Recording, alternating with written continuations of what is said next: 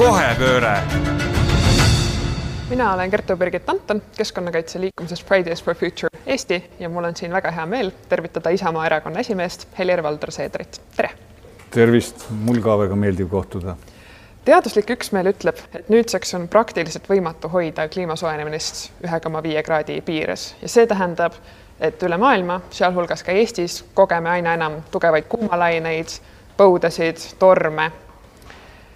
See tähendab, et me ei saa enam rääkida ainult kliimamuutuste leevendamisest, kuigi me saame neid endiselt leevendada, aga me peame rääkida ka kliimamuutustega kohanemisest mida on Isamaa erakonnal plaanis teha selleks, et hoida Eesti inimesi keskkonnakriiside kõige hullemate tagajärgede eest? no kui me kohanemisest räägime, siis loomulikult tuleb kogu ühiskond äh, tervikuna äh, sellele kohandada. see puudutab läbivalt äh, nii meie majandust, meie ehitustegevust, meie igapäevaelu Äh, ja kindlasti ka loomulikult äh, vastavaid institutsioone, kes siis äh, peaksid operatiivselt tegutsema. nii et see tähendab juba planeeringu faasis mõtlemist sellele, et kliima on muutuv ja kui me vaatame Eestis ka meie uusarendusi näiteks põldudel, kus ei ole korralikku maaparandust, kus ei ole sadevete ärajuhtimist, kus me planeerime ka oma elukorraldust väga ebaratsionaalselt, kus inimestel teatud igapäevaste teenuste kättesaamiseks tuleb äh, liikuda, liikuda autoga individuaalselt ja nii edasi. et see algab äh, planeeringust ja lõpeb nendesamade institutsioonidega, ütleme siis äh, kriisimeditsiin, päästeteenistus, ka need teenistused peavad olema valmis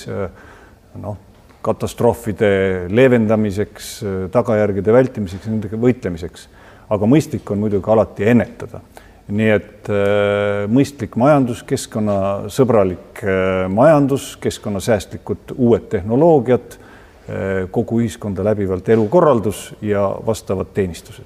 majandusest räägime kohe varsti veel, aga kuidas te plaanite tagada seda, et äh, päästeteenistused, arstid, haiglad oleksid valmis keskkonnakriisidega hakkama saama, kui kõike ei õnnestu ennetada? noh, see on järjepidev töö ja igapäevane töö ja sugugi mitte ainult äh, keskkonnakriisidest äh, me ei pea siin rääkima ega ei saagi rääkida, kui me peame silmas siin üleujutusi või, äh, või ka muid keskkonnaõnnetusi, mida õnneks Eestis on suhteliselt vähe, kui me räägime siin maavärinatest või muudest tõsistest Eh, keskkonnaõnnetustest, aga võtame ju kasvõi eh, seesama koroonakriis, eh, mis puudutab meie erinevaid haiglaid, meditsiini, elukorraldust laiemalt, koolikorraldust, kõike muud samamoodi. nii et me ei saa lähtuda nende teenistuste korraldamisel isegi mitte ainult keskkonnaohtudest, vaid peame vaatama laiemalt kogu pilti. Ja see on igapäevane töö, see on investeering nendesse inimestesse teaduspõhine lähenemine, äh, koolitatud kaader, äh, teadmised, ka vajalik tehniline baas, laboratooriumid ja nii edasi. keskkonnakriisid võimendavad ka teisi ühiskondlikke kriise, näiteks tek võivad tekitada tööpuudust, massilist rännet või põhjustada isegi relvakonfliktide puhkemist ja riigikaitse tugevdamine on üks teie peamiseid sihte tulevases Riigikogu koosseisus. mis on teil kavas selleks, et aina sügene, süvenevad kriisid, mida osaliselt võimendavad süvenevad keskkonnakriisid üle maailma, et need ohustaksid Eestit võimalikult vähe ja et me oleks võimalikult hästi kaitstud? no siin äh, on väga oluline tööpõld ju poliitikutel ja diplomaatidel, et ennetada neid samu sõjalisi konflikte, sellest tulenevad ka inimeste rännet. pikemaajaline temaatika on seesama keskkonnatemaatika, mis äh, läbi kliimamuutuste sunnib inimesi liikuma seal, kus toimub kõrbestumine ja kus ei ole võimalik enam toota põllumajandussaadusi toitu ja kus äh, elamine muutub äh, kõlbmatuks, need tingimused ei ole enam sobilikud et eh, ühelt poolt eh, poliitikud, diplomaadid, kes peavad eh, tegelema sellega, et ennetada taolisi asju, rändeid, sõjalisi konflikte, mis iseenesest juba ju on väga keskkonnaohtlikud ja, ja hävitavad keskkonda. ja teiselt poolt siis see, mis puudutab inimeste rännet kliimamuutuste tagajärjel, nii nagu ma ütlesin, et et mitte ainult Eesti, vaid siin tuleb teha rahvusvahelist koostööd, see on globaalne küsimus, ega Eesti globaalsete muutuste kontekstis on väga väike ja üksi midagi teha ei suuda, mis ei tähenda, et me ei pea tegutsema, aga siin on väga oluline rahvusvaheline koostöö. Fossiilkütustest toodetav energia on praeguseks kallim kui taastuvatest allikatest saadav energia ja samuti on saanud teaduslikult selgeks, et selleks, et hoida ökosüsteeme, peame me ühiskonnana vähendama kokku energia tarbimist, hoolimata sellest, millistest allikatest need, see energia päriseb, pärineb. milliste sammudega aitate teie Eestil käituda vastavalt nendele teadmistele? no kõigepealt äh, fossiil äh, on kallim juba seetõttu, et me oleme kehtestanud Euroopas CO2 kvoodipoliitika süsteemi, kus esialgselt arvati, et tonni maksumus võiks olla kakskümmend viis, kolmkümmend eurot, tegelikult on see kujunenud kaks, isegi kolm korda kallimaks. ja keskkonnasõbralikult saab majandust arendada ja sisemajanduse kogutoodangut kasvatada ka nii-öelda keskkonnasõbralikult, kasutades siis äh, uusi tehnoloogiaid, võttes tarvitusele äh, ressursse, energiat säästvaid ja keskkonnasõbralikke uusi tehnoloogiaid. ja seda tuleb soodustada, soodustada läbi maksupoliitika, läbi uute teadmiste, läbi uuringute. Äh, seda tuleb teha igal pool, seda tuleb teha ka Eestis. loomulikult tuleb vähendada ka raiskamist suurendada taaskasutust ja tõsta ka lisandväärtust. Need kõik on äh, vajalikud selleks, et edendada majandust nii, et see oleks keskkonnasõbralik. ja kui me räägime siin noh, majanduse arendamise mõõtmisest, milleks on sisemajanduse kogutoodangu kasv ja, ja nii nagu noh, tihtipeale öeldakse, et kas sisemajanduse kogutoodangu kasv on ainus eesmärk ei ole, Isamaa ei ole kunagi seadnud eesmärgiks sisemajanduse kogutoodangu kasvu või majanduse arendamise iga hinnaga või ükskõik mis hinnaga. et loomulikult tuleb arvestada mõjudega keskkonnale. aga kindlasti ei saa neid ka vastandada, sellepärast et sisemajanduse kogutoodang, tema arvutamise metoodika ju peegeldab seda niisugust lisandväärtust, mida järjest ühiskonnas luuakse ja see ei ole ainult nii-öelda tööstuslik ja materiaalne ja suunatud keskkonna vastu, see on ka palkade kasv, see on ka näiteks meie vaba aja veetmine, see on ka näiteks kultuuri tarbimine, mida inimesed tarbivad. Ja see ei ole sugugi keskkonnavaenulik, nii et neid kahte asja äh, ei pea vastandama, neid äh, annab äh, ühendada ja loomulikult tuleb majandust edendada keskkonnasõbralikult ja arvestades, et keskkond on jätkusuutlik. Te ütlesite, et SKT kasvu ja keskkonna heaolu annab ühendada, aga samas maailma parimad teadusülevaated, mis on tehtud näiteks elurikkuse alal avaldatud teadusartiklitest, on jõudnud just vastupidisele järeldusele, et SKT kasvu tagaajamine on toonud kaasa ja toob ka tulevikus kaasa elurikkuse hävingu. kuidas te seda teadmist enda tegevuses arvesse võtate? SKT-d, nii nagu ma ütlesin ja mina olen veendunud, et saab arendada ja majandus saab arendada ka keskkonnasõbralikult ja eh, tuginedes nendele samadele uutele tehnoloogiatele, mis ma rääkisin, keskkonnasõbralikele tehnoloogiatele, seda on võimalik teha, vähendades raiskamist, eh, taaskasutamist suurendades ja järjest rohkem ju inimene nii-öelda toodab keskkonna hävitavalt, kui me räägime arenenud ühiskonnast, vaatame siin Euroopat, vaatame jõukamaid riike kus panustatakse ka keskkonnahoiule ja keskkonnahoid iseenesest ei ole ka odav. keskkonnahoid on ka tegelikult väga kulukas. nii et eh, kui me panustame järjest rohkem ka keskkonnahoiule tootmises, siis on võimalik ka suurendada sisemajanduse kogutoodangut nii, et see sugugi ei vastandu eh, keskkonnale ja me võime tagada ka jätkusuutliku keskkonna arengu eh, nii nagu ma ütlesin, järjest rohkem me ju ei tarbi lihtsalt ainult materiaalseid väärtusi me tarbime ka vaimseid väärtusi, e, emotsioone, mida pakub meile muusika, kunst, kultuur laiemas mõttes ja see ei ole sugugi keskkonnavaenulik. Te ütlesite, et me peaksime motiveerima ja et ettevõtteid olema aina keskkonnahoidlikumad, aga samas veidi enne mainisite, et Euroopa Liidus on keske, kehtestatud CO2 tasu, mis kunagi pidi olema kakskümmend viis tonni, kakskümmend viis eurot tonni kohta, nüüdseks on see jõudnud kõrgemale tasemele ja mulle jäi teie jutust mulje, et teie arvates see peaks jälle tulema madalamale tasemele tagasi, samas kui ühe tonni CO2 atmosfääri paiskamise hind ühiskonnale nende kaasnevate kahjudega, mis sellega tekib, on üle saja euro tonni kohta. nii et kuidas seda olukorda siis lahendada? mis motiveeriks ettevõtjaid olema keskkonnahoidlikud? jah, eh, selle CO2 kvoodipoliitika kehtestamise eesmärk oli ju üllas. Mõjutada tootjaid tootma eelkõige siis energiat keskkonnasõbralikult, eelkõige energiat, aga ka muud loomulikult keskkonnasõbralikult. ja selleks on see süsteem kehtestatud. aga ta on kehtestatud administratiivpoliitilise süsteemina, mis on avatud ka väga spekulatsioonidele Eh, ja seda me ju näeme, mis see on endaga kaasa toonud, et ka üllaid eesmärke täita revolutsioonilise kiirusega eh, ja eh, täita selliselt, mis võib-olla käib ühiskonnale teatud hetkel lihtsalt majanduslikult üle jõu, võib saavutada hoopis vastupidise efekti ja eesmärgi ja me võtame kasutusele hoopis rohkem fossiilseid vahendeid selleks, et tagada taskukohane näiteks energia ja taskukohane äh,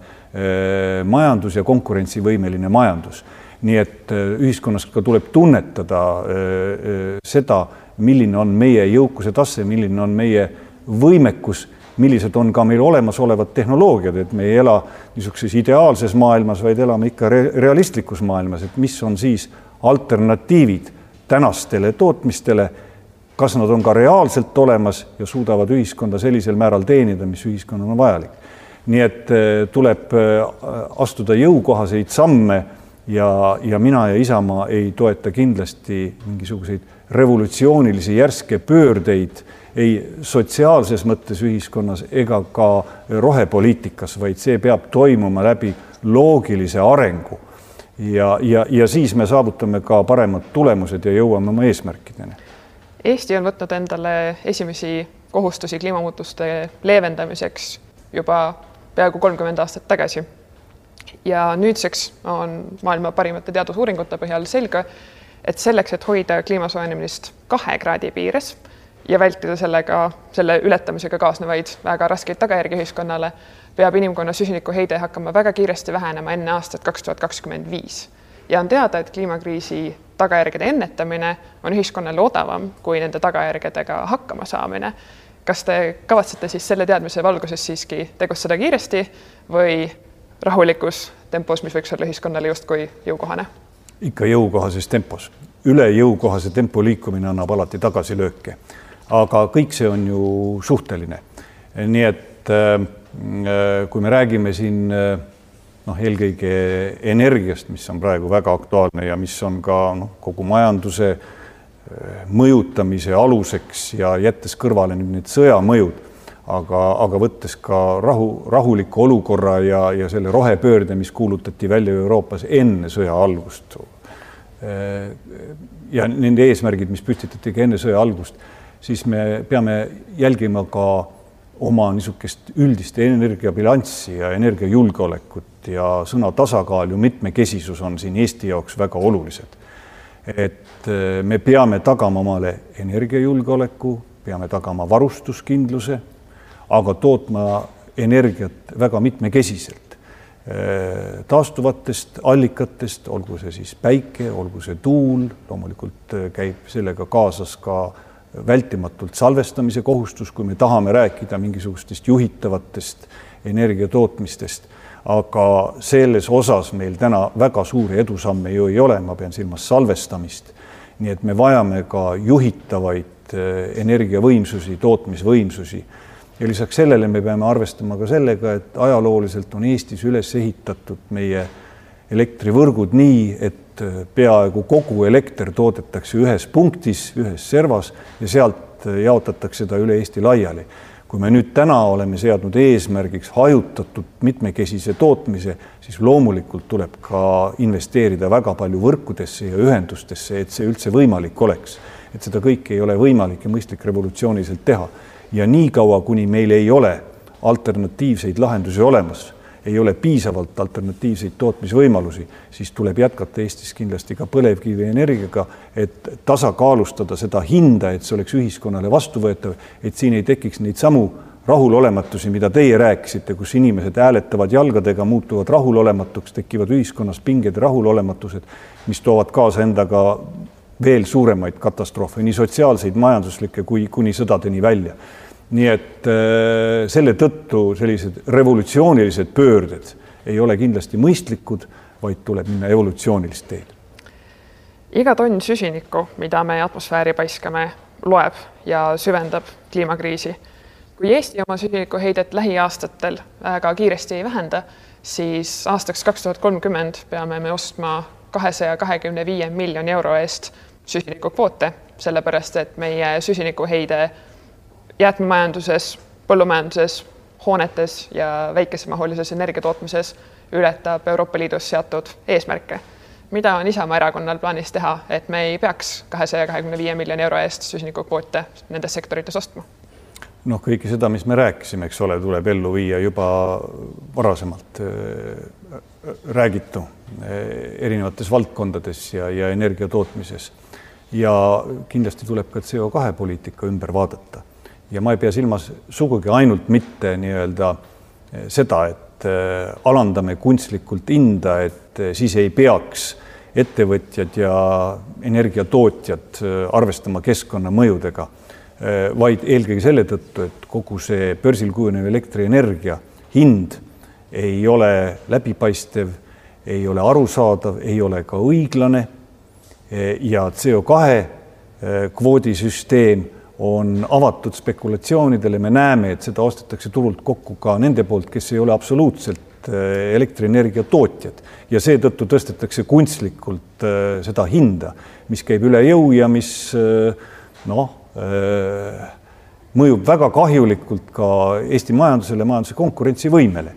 Ja sealtkaudu ei ole me võimelised ka investeerima nendesse samatesse keskkonnasõbralikesse tehnoloogiatesse, kui meil majandusest ei teki ka seda ressurssi, mida investeerida keskkonnasäästlikutesse uutesse ressurssi ja energiatõhusatesse tehnoloogiatesse, siis me tegelikult pidurdame ka oma eesmärkide saavutamist. nii et siin veel kord on väga oluline tasakaal, aga kahtlemata tuleb öö, öö, kujundada ka äh, nii äh, meie põllumajanduse tulevikku ja tootmist mõjutada läbi poliitiliste otsuste, läbi maksupoliitika kui ka metsapoliitika, mis on äh, väga oluline ja metsa arengukava, mida on aastaid vaieldud ja arutatud ja kus ei ole veel kokkulepet saavutatud. aga siin on vaja leida ühiskonnas konsensus ja pikem vaade tulevikule. kui me nüüd räägime põllumajanduse mõjudest, mis on ka väga olulised siis äh, põllumajanduse puhul on oluline leida see tasakaal selle niisuguse traditsioonilise äh, tootmise ja niisuguse ökoloogilise mahetootmise vahel. mõlemad on vajalikud ja mõlemad Eestis kindlasti ka jäävad, aga siin on oluline tasakaal. Äh, täppisviljelus, kus me võtame kaasaegse tehnoloogia kasutusele, kus on võimalik väetisi taimekaitsevahendeid doseerida just nimelt teaduslikult põhjendatud kogustes, mitte nii-öelda äh, tunnetuslikult. et äh, kõik äh, see on vajalik, noh, lisaks loomulikult toidu tootmise puhul ja toidu tarbimise puhul kogu ahel, tootmine, töötlemine kuni tarbijani välja, sellepärast et me täna teame näiteks mahepinna osas, territooriumi osas on Eesti üks äh, päris edumeelne riik Euroopa Liidus, kui me vaatame, kui palju meil on äh, maheterritooriumil toodetavat äh, põllumajandussaadusi, aga mahetoodangut on meil väga vähe ja sellisest väiksest kogusest mahetoodangust lõpptarbijani jõuab veel vähem, sest töötlev tööstus seal vahel ei ole väga huvitatud nendest väikestest ebastabiilsetest kogustest, mida mahetootjad toodavad nii et siin tuleb toetada ka mahetootmise puhul ja ökoloogiliselt puhta toidu puhul kogu ahelat kuni lõpptarbijani välja näiteks põllumajanduses. põllumajandusest ja metsandusest räägime kohe veel, selleni jõuame no. aga räägime korraks hoonetest, sest et ka hoonete sektor on üks neist, kus tuleb vähendada Eestis süsinikuheidet ja kus meil on väga palju tööd ees. mis on üks konkreetne tegevus, mida te plaanite teha järgmise nelja aasta jooksul, et vähendada Eesti süsinikuheidet just hoone, hoonefondist no läbi erinevate meetmete, mida riik annab, on need Maaelu Edendamise Sihtasutus, on need EAS, on need KredEx läbi erinevate meetmete tuleb toetada loomulikult soojapidavust ja, ja tõhusust hoonetel. ja loomulikult ka, mis puudutab uusehituste nõudmist ikkagi selles suunas, et võimalikult energiasäästlikke hooneid me ehitaksime, nii elamuid kui tootmishooneid. ja selleks tuleb rakendada erinevaid meetmeid aga mis oleks ikkagi üks konkreetne meede nendest paljudest erinevatest? seesama energiatõhususe meede, mis on toiminud minu arvates väga hästi, seda tuleb äh, oluliselt laiendada, et see oleks äh, inimestele kättesaadav nii elumajade ehitamisel kui ka erinevate tootmishoonete ja ühiskondlike avalike hoonete ehitamisel sinna tuleb palju rohkem panustada. see on hea äh, meede, mis on ennast seni õigustanud, aga seda, selle meetmele eraldatud rahalisi vahendeid tuleb oluliselt suurendada räägime ka transpordist. et Eesti on praeguseks ainus riik Euroopa Liidus, kus ei ole kehtestatud mingisugust automaksu. ja tihtipeale erinevad poliitikud ütlevad, et me ei saa automaksu kehtestada enne, kui oleme korda teinud ühistranspordi. aga kust peaks tulema ühistranspordi arendamiseks ja kõigile kättesaadavaks tegemiseks raha? automaks ei ole kindlasti imevits Eesti jaoks ja ühistransporti tuleb äh, arendada tõepoolest. Ja kust see raha ikka tuleb, eks ta tuleb eelarvest äh, läbi maksude laekumise ja eelarvesse laekuvad maksud siis, kui Eesti majandus areneb. Ja siin me jõuame jälle tagasi varasema jutu juurde, et ka majandust on vaja arendada.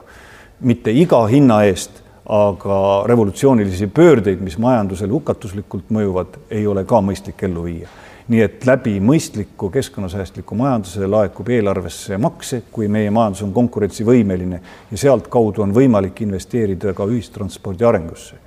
kui me räägime nüüd automaksust ja ühistranspordist, eelkõige siis maanteedel, siis need mõlemad kasutavad sama infrastruktuuri, nii et, et selles mõttes on vaja arendada nii või naa, kas meil on autod või meil on bussid, mõlemad vajavad maanteede arendamist linnades on olukord natuke teistsugune, siin on kindlasti võimalik äh, liikluskorraldusega äh, olukorda parandada jõulisemalt, äh, kui seda seni tehtud on.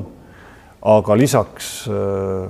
maanteetranspordi, ühistranspordile on meil vaja arendada ja rohkem panustada ka siseriiklikusse raudteetransporti. seda on Eestis tehtud, seda on tehtud seni jõukohaselt, aga eesmärk võiks olla, et me suudame seda teha rohkem, nii et äh, Tallinn-Narva, Tallinn-Tartu, Tallinn-Viljandi suund, mida on rekonstrueeritud, arendatud, äh, kus äh, kvaliteet ja sõidukiirust on kasvatatud ja noh, läbi suurte poliitiliste vaidluste arendatakse ju ka Tallinn-Haapsalu suunda, kui me suudame need siseriiklikud suunad välja arendada. Ja meil on ju ka tehtud hange, et ronge juurde tellida, kui me saame ka seda võrku tihendada siis äh, see on ka kindlasti keskkonnasäästlik äh, tegevus ja ma ei pea silmas siin mitte ainult diiselronge, vaid ka elektrirongi, elekter, elektriraudteed, elektrifitseerimist ja, ja miks ka mitte võib-olla vesiniktehnoloogiat tulevikus, nii et samuti need uued tehnoloogiad ka raudteel kasutusele võtta. kas ka teil on plaanis arendada välja Eesti põhimaanteed kaks pluss kaks rajaliseks? jah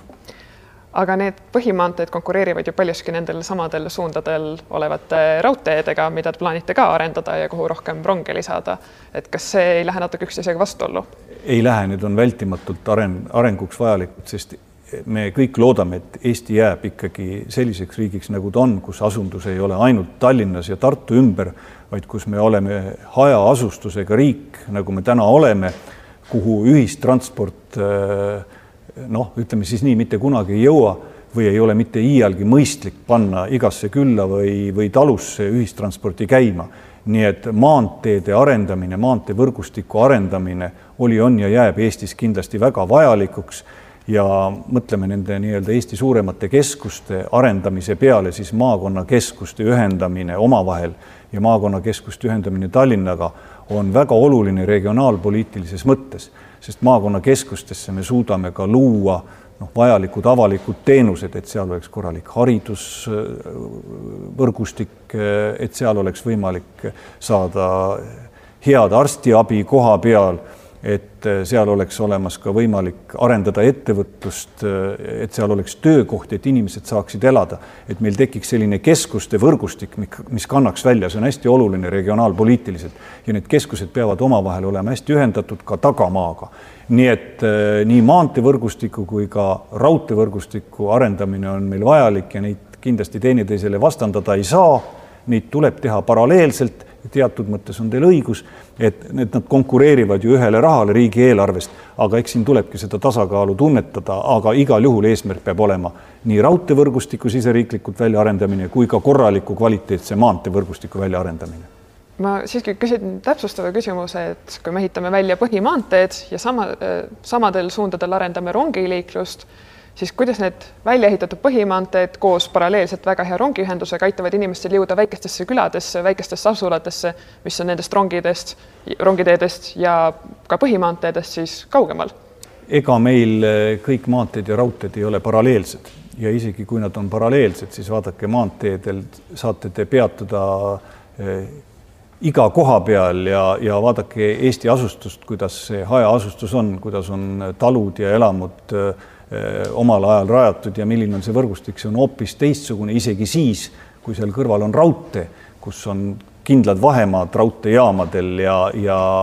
maanteel äh, liikumine ja, ja hoonetesse pääsemine, kinnistutesse pääsemine, tootmishoonetesse, põldudele, mis kõik tootmiskeskustele pääsemine on tunduvalt paindlikum kui raudtee kaudu. nii et kindlasti raudtee, isegi kui ta on paralleelne maanteega, ei asenda aga see on juba ühistranspordi korraldamise küsimus, kui meil on olemas teatud piirkonnad, kus on paralleelne võimalus, nii nagu me see mõningatel puhkudel näeme, et kuidas seda ühistranspordi siis korraldada nii, et äh, bussitransport ja raudteetransport ei oleks, ei oleks omavahel dubleeritud, nii nagu ta täna juba osaliselt on, kui me toome konkreetseid praktilisi näiteid, näiteks noh, ma ei tea, Tallinn-Keila puhul, et, et kas on väga mõistlik arendada tihedalt raudteevõrku paralleelselt äh, maanteevõrguga ja, äh, ja doteerida nii ühistransporti busside kaudu, öelda, et meil on tasuta ühistransport Keilasse ja siis me arendame raudteetranspordi sinna Keilasse, kus on tasuline. no mida siis inimene teeb, kui meil on tasuta ühistransport selle tasulise raudteetranspordi kõrval, mis on nagu keskkonnasäästlikum, siis inimene valib loomulikult odavama ja taskukohasema bussitranspordi. nii et eh, see on pigem mitte maanteede ja raudteede võrgustiku väljaarendamise küsimus, mida tuleb kindlasti välja arendada kvaliteetselt, ma selle juurde jään, vaid see on juba ühistranspordi korralduslik küsimus. Et kui palju me siis raudteesse panustame, kui palju me doteerime bussitransporti, kui tihedalt me need liiklused paneme ja kus me siis paralleelselt need äh, transpordiliinid ka käima paneme, see on rohkem korralduslik küsimus. rääkides ühistranspordi korraldusest ja tasuta liinidest, mis on teie seisukoht tasuta ühistranspordi suhtes, kas sellega tuleks jätkata, tuleks seda laiendada, tuleks seda kuidagi ümber korraldada, piletihinnad kehtestada? no sellisel kujul tasuta ühistransport, nagu ta siin Eestis olnud on, et kohati on ja kohati ei ole, mõnedes omavalitsustes on ja teatud äh, piirkondades ka transpordikeskustes on ja mõnedes puhul ei ole see kindlasti ei ole ennast õigustanud, see on väga ebaühtlane, see ei rahulda reisijaid ja ta ei ole täitnud oma eesmärki just seetõttu, et me ei ole näinud, et inimesed istuksid oma individuaalsetest autodest ümber sellesse tasuta toimivasse ühistransporti. nii et ei, see ei ole ennast sellisel kujul õigustanud. minu arvates tuleb vaadata nagu tervikut, nii nagu ma ütlesin, raudteetransporti, bussitransporti üheskoos ja äh, võimaldada eelkõige siis inimestel jõuda oma sihtkohani ja inimesed on valmis ka maksma ühistranspordi eest, kui nad saavad sellega arvestada, kui nad teavad, et see käib piisava regulaarsusega ja on kättesaadav inimestele erinevates piirkondades. Ja täna ma ei taha,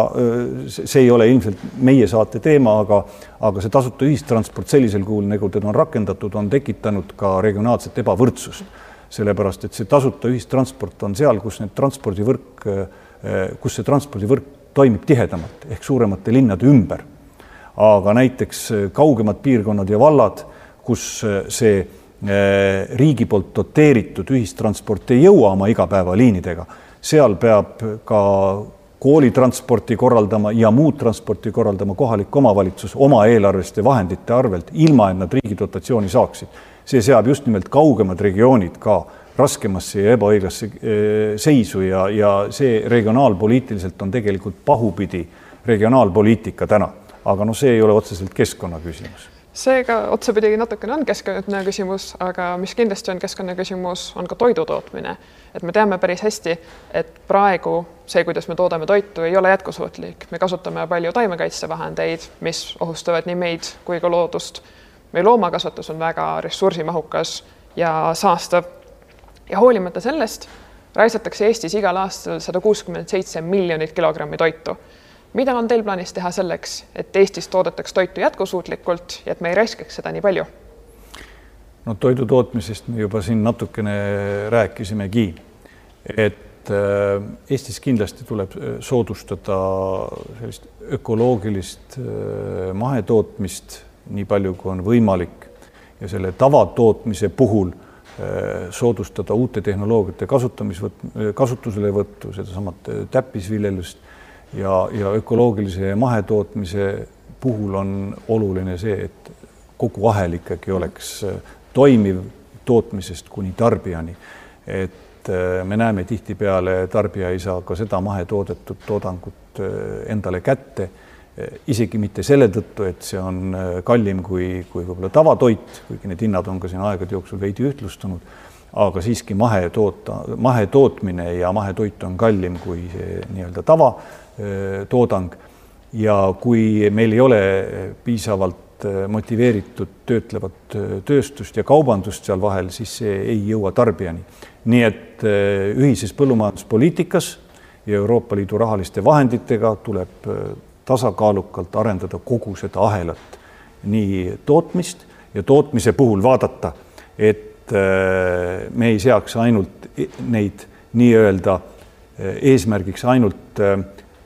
idealistlikke keskkonnaeesmärke, kus meil on suured mahetootmise pinnad, aga mahetoodangut ei teki, siis me ei saavuta seda tulemust ja seda tegelikult tasakaalustab sealsamas kõrval veelgi intensiivsem põllumajanduslik tootmine, et eh, need toiduainete tootmise kogused saaks toodetud. nii et eh, me peame hoolitsema ka selle eest, et sellel maheterritooriumil toodetakse optimaalse koormusega, mis on ka Eestis probleem olnud et toodame väga ekstensiivselt, saame mahetoetused kätte, aga toodangut ei tule. see on kuidas, esimene samm. aga kuidas et... te kavatsete soodustada mahetootmist, mida te mainisite, mis on, mis on see abi, mida, mis on inimestel näiteks aga, puudu praegu? aga see ongi äh,. kas see on toetused või see on midagi muud? no toetusi on antud kogu aeg mm -hmm. ja, ja mahetootmine tänu toetustele sellises mahus täna üldse Eestis toimibki, et muidu teda sellises mahus ju ei olekski, sest see on siiski kulukam kui täna, kui see, see tavaline intensiivne tootmine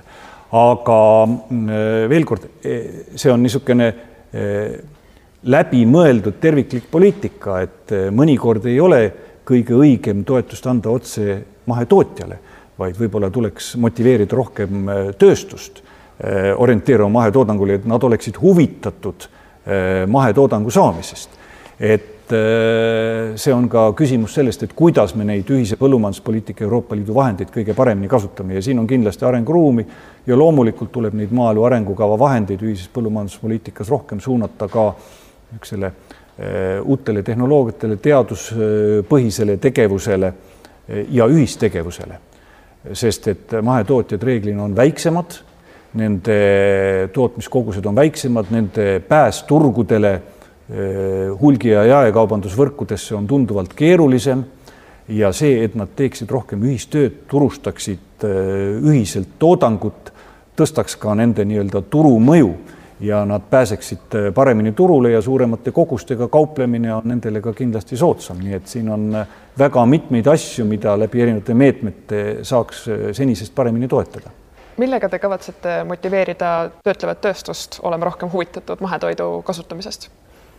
E, eks ikka läbi e, nendesamade erinevate toetuste, mida ka praegu tööstusele antakse, tõsi, tööstuse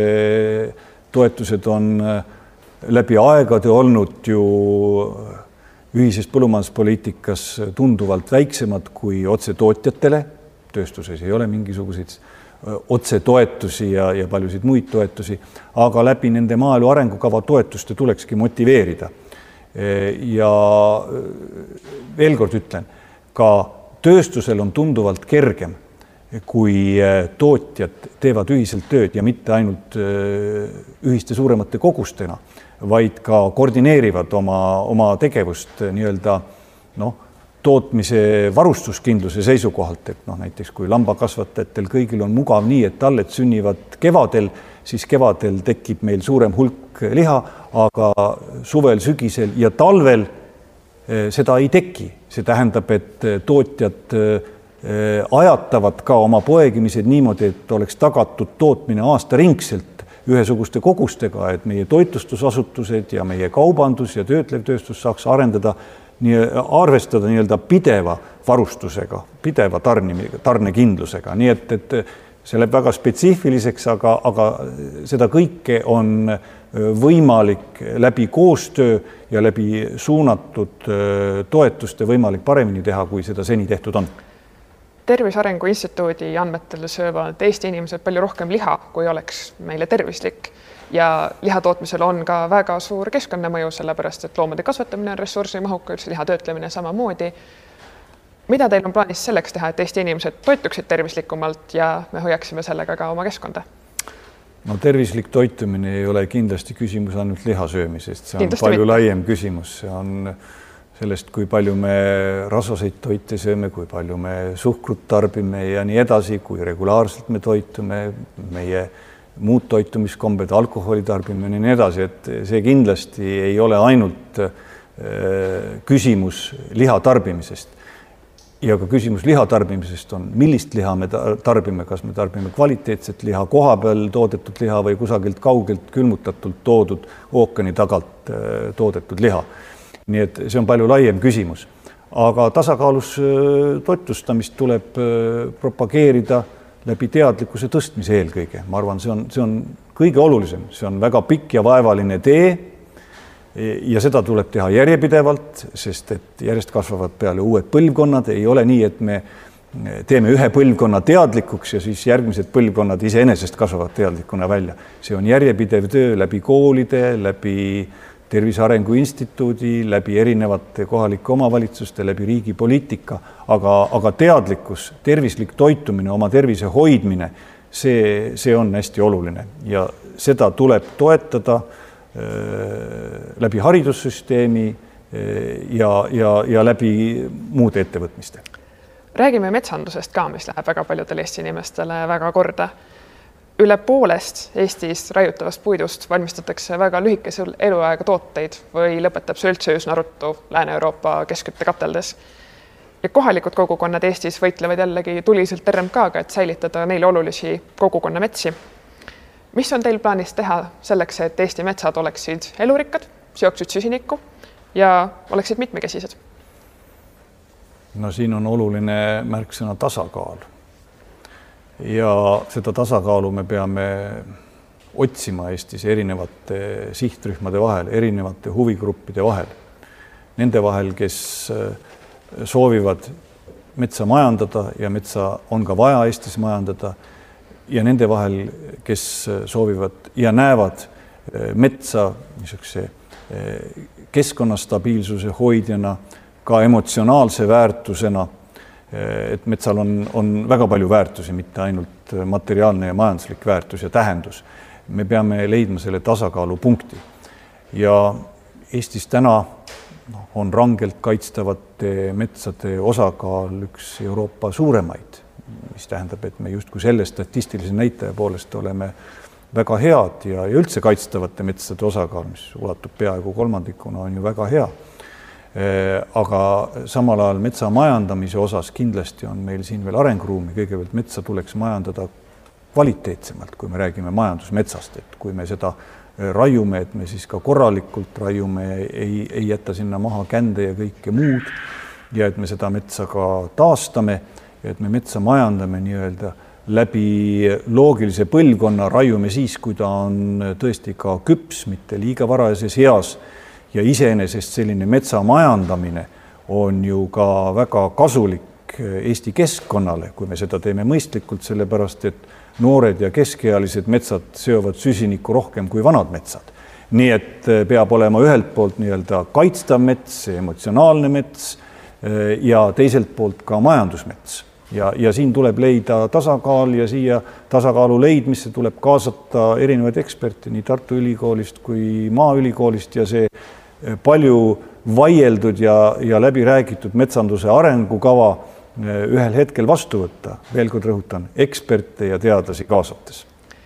see väide, et noored ja keskmise vanusega metsad seovad rohkem süsinikku kui vanad metsad, peab paika ainult siis, kui mitte arvestada mullast äh, tulevat süsinikuheidet, mis on väga-väga suur. aga kui näiteks ökoloogid ütlevad, et nende andmete põhjal Eestis tuleks raiuda vähem metsa kui praegu, siis kas selle väitega te lähete otsima kompromissi, püüate loodusega läbi rääkida või võtate võtate teadmiseks selle, et loodusel on vajadused, mida inimene ei saa muuta ja tuleb ökoloogia kuulata. Nii nagu ma ütlesin, tuleb kuulata ökolooge ja tuleb kuulata ka kõiki teisi eksperte, nagu me teame, täna on siin ka ekspertide vahel erinevad arvamused, et eh, Tartu Ülikooli äh, teadlased ja eksperdid on veidi ühesugusel arvamusel ka, mis puudutab äh, raiemahtusid ja Maaülikooli eksperdid ja arvamused, teadlased on veidi teistsugusel seisukohal, nii et kui me küsime poliitikute käest, et mis on teie seisukoht, siis minu seisukoht on, et ma tahaksin neid eksperte arvestada ja mitte ainult poliitikud ei pea siin jõudma teatud äh, kompromissini, vaid ka teadlased omavahel, nii et, et see on ikkagi koostöö küsimus ja mina usaldan erinevaid teadlasi ja püüan leida selle tasakaalu erinevate äh, sisendite baasilt ja, ja, ja leida seda kompromissi. kas Isamaa erakond äh, pooldab pesitsusrahu kehtestamist Eesti metsades või mitte? jah, me oleme seda pooldanud, et see teatud ajaks kehtestatakse, see peab olema loomulikult äh, kehtestatud mõistlikuks ajaks ja mõistlikes piirides. aga teatud pesitsusrahu kehtestamine on minu arvates mõistlik kas teil on mingisugune ettekujutlus, kui pikk see mõistlik aeg on ja millised on need mõistlikud piirid? ei, mina ei hakka seda pakkuma, selleks on minust äh, targemad inimesed, kes äh, neid soovitusi annavad ja, ja ma neid usaldan ja sellest lähtuvalt tuleks seda ka kehtestada. hüva, aga mis on teie seisukoht lageraiete suhtes, kas neid võib Eestis teha või tuleks need keelustada? Ei, lageraied täielikult keelustada kindlasti ei ole mõistlik, et lageraied on äh, teatud hetkel võib-olla lausa vältimatud, kui me räägime siin ka noh, teatud kahjuritest ja, ja, ja, ja metsast, mis hävib, kus on äh, vajalik seda teha. Äh, ja teatud mõttes on see ka mõistlik teha raielankides, et, et tekiks ka mingisugused raiesmikud, mida sa saad siis tervikuna ka taastada see on ka majanduslikult teatud juhtudel mõttekas aga loomulikult tuleb lähtuda, jällegi ütlen tervikust, et ka majandatav mets oleks äh, jätkusuutlik ja et teda taastaks mõistlikult, nii et äh, kõik erinevad raieviisid, neid on äh, võimalik ja mõistlik kasutada, ühtegi ei tohiks ära keelata, aga ka see peab olema omavahel tasakaalus. suur tänu selle intervjuu eest, Isamaa erakonna esimees Helir-Valdor Seeder. aitäh küsimast